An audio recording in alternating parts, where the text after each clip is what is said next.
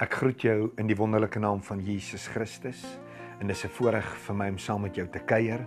Jy's meer as welkom om te gaan lees Filippense 3 vers 1 tot 21 en daar is net so twee gedeeltes waar rondom ek vermoere met jou gaan kuier.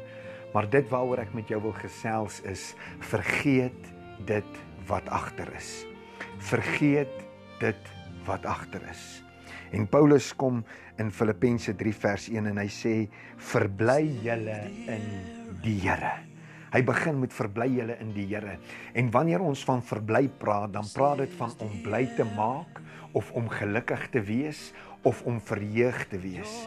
En verheug spreek van vrolik, opgewonde, opgeruimd, opgewek en lewendig. En hierdie woordjie lewendig is vir my so treffende woord en ek wil dit graag met jou deel want dit praat van om praat van iemand wat leef. Dit praat van iemand wat leef of wat leef. En dit spreek van om jou te voed met of jou lewe in te rig of deur te bring. Dit spreek van om in jou onderhoud te voorsien, in jou elemente wees, om voort te bestaan en om te beweeg. En dis asof ek hierdie idee kry dat Paulus vir jou en vir my wil kom sê dat jy jou moet voed met die Here.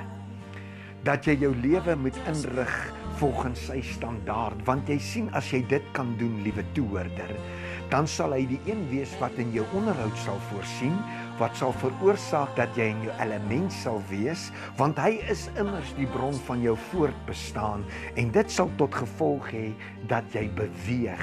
Met ander woorde dat jy van stand sal verander dat daar groei in jou lewe sal wees en wil almal tog nie groei amen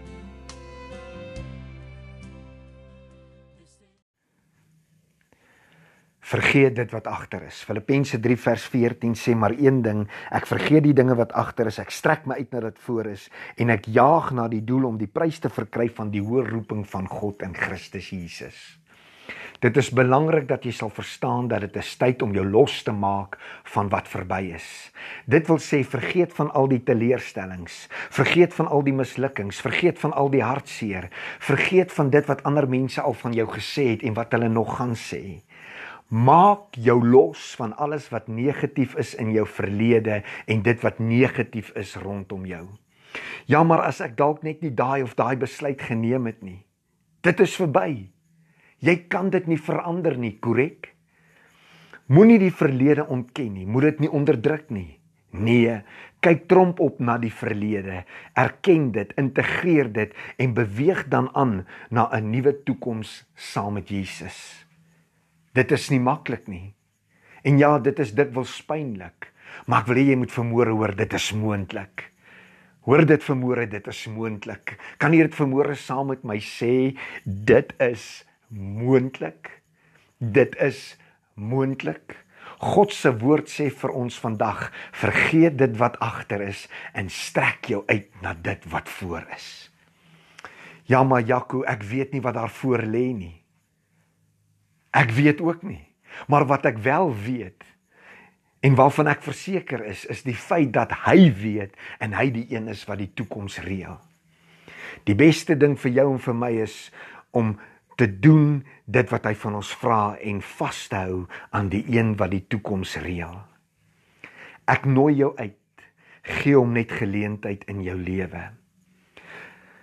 Daar lê vir jou nog so baie voor, 'n wêreld met nuwe uitdagings, 'n wêreld vol geleenthede, 'n wêreld vol avontuur, 'n wêreld vol liefde, 'n wêreld vol seën en nog baie meer. Jy sien ons groot probleem is dat ons kyk so dikwels vas teen ons probleme dat ons nie die alternatiewe moontlikhede raak sien nie. En dit laat my wonder, hoeveel moontlikhede het jy al gemis? As gevolg van die feit dat jy aan die verlede vashou. Moenie fokus op jou probleme nie. Dit wil sê op dit wat was nie, maar fokus op dit wat kan wees. Onthou dit is nie die verlede wat jou toekoms bepaal nie, maar die hede.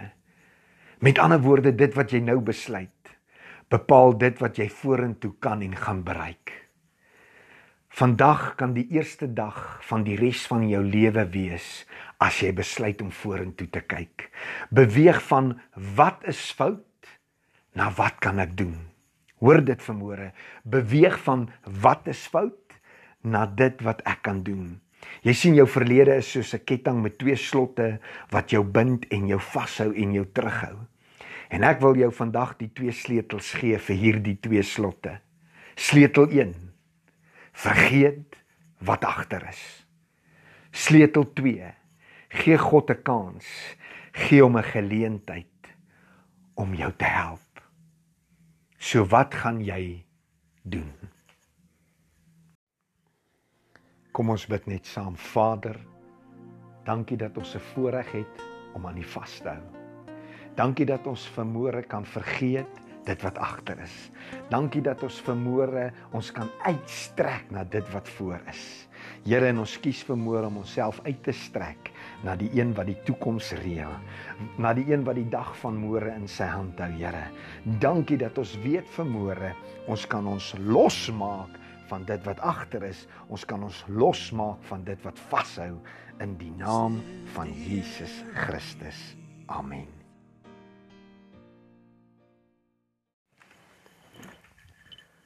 As jy nog nie jou saak met die Here reggemaak het nie of as jy hom nog nie aangeneem het as jou persoonlike saligmaker nie, wil ek vermoere vir jou sê God het die wêreld so lief gehad dat hy sy seun vir jou gestuur het.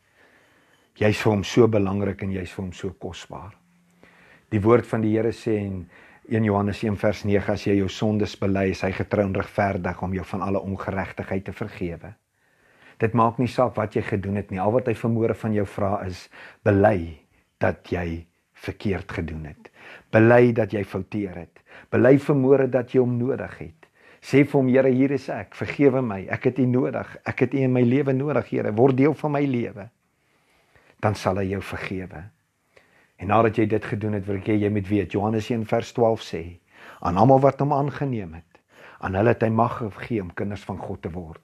As jy jou sondes bely het vanmôre of vandag, weet dit dat jy het die reg om sy kind te wees. Mag die Here jou seën. Amen.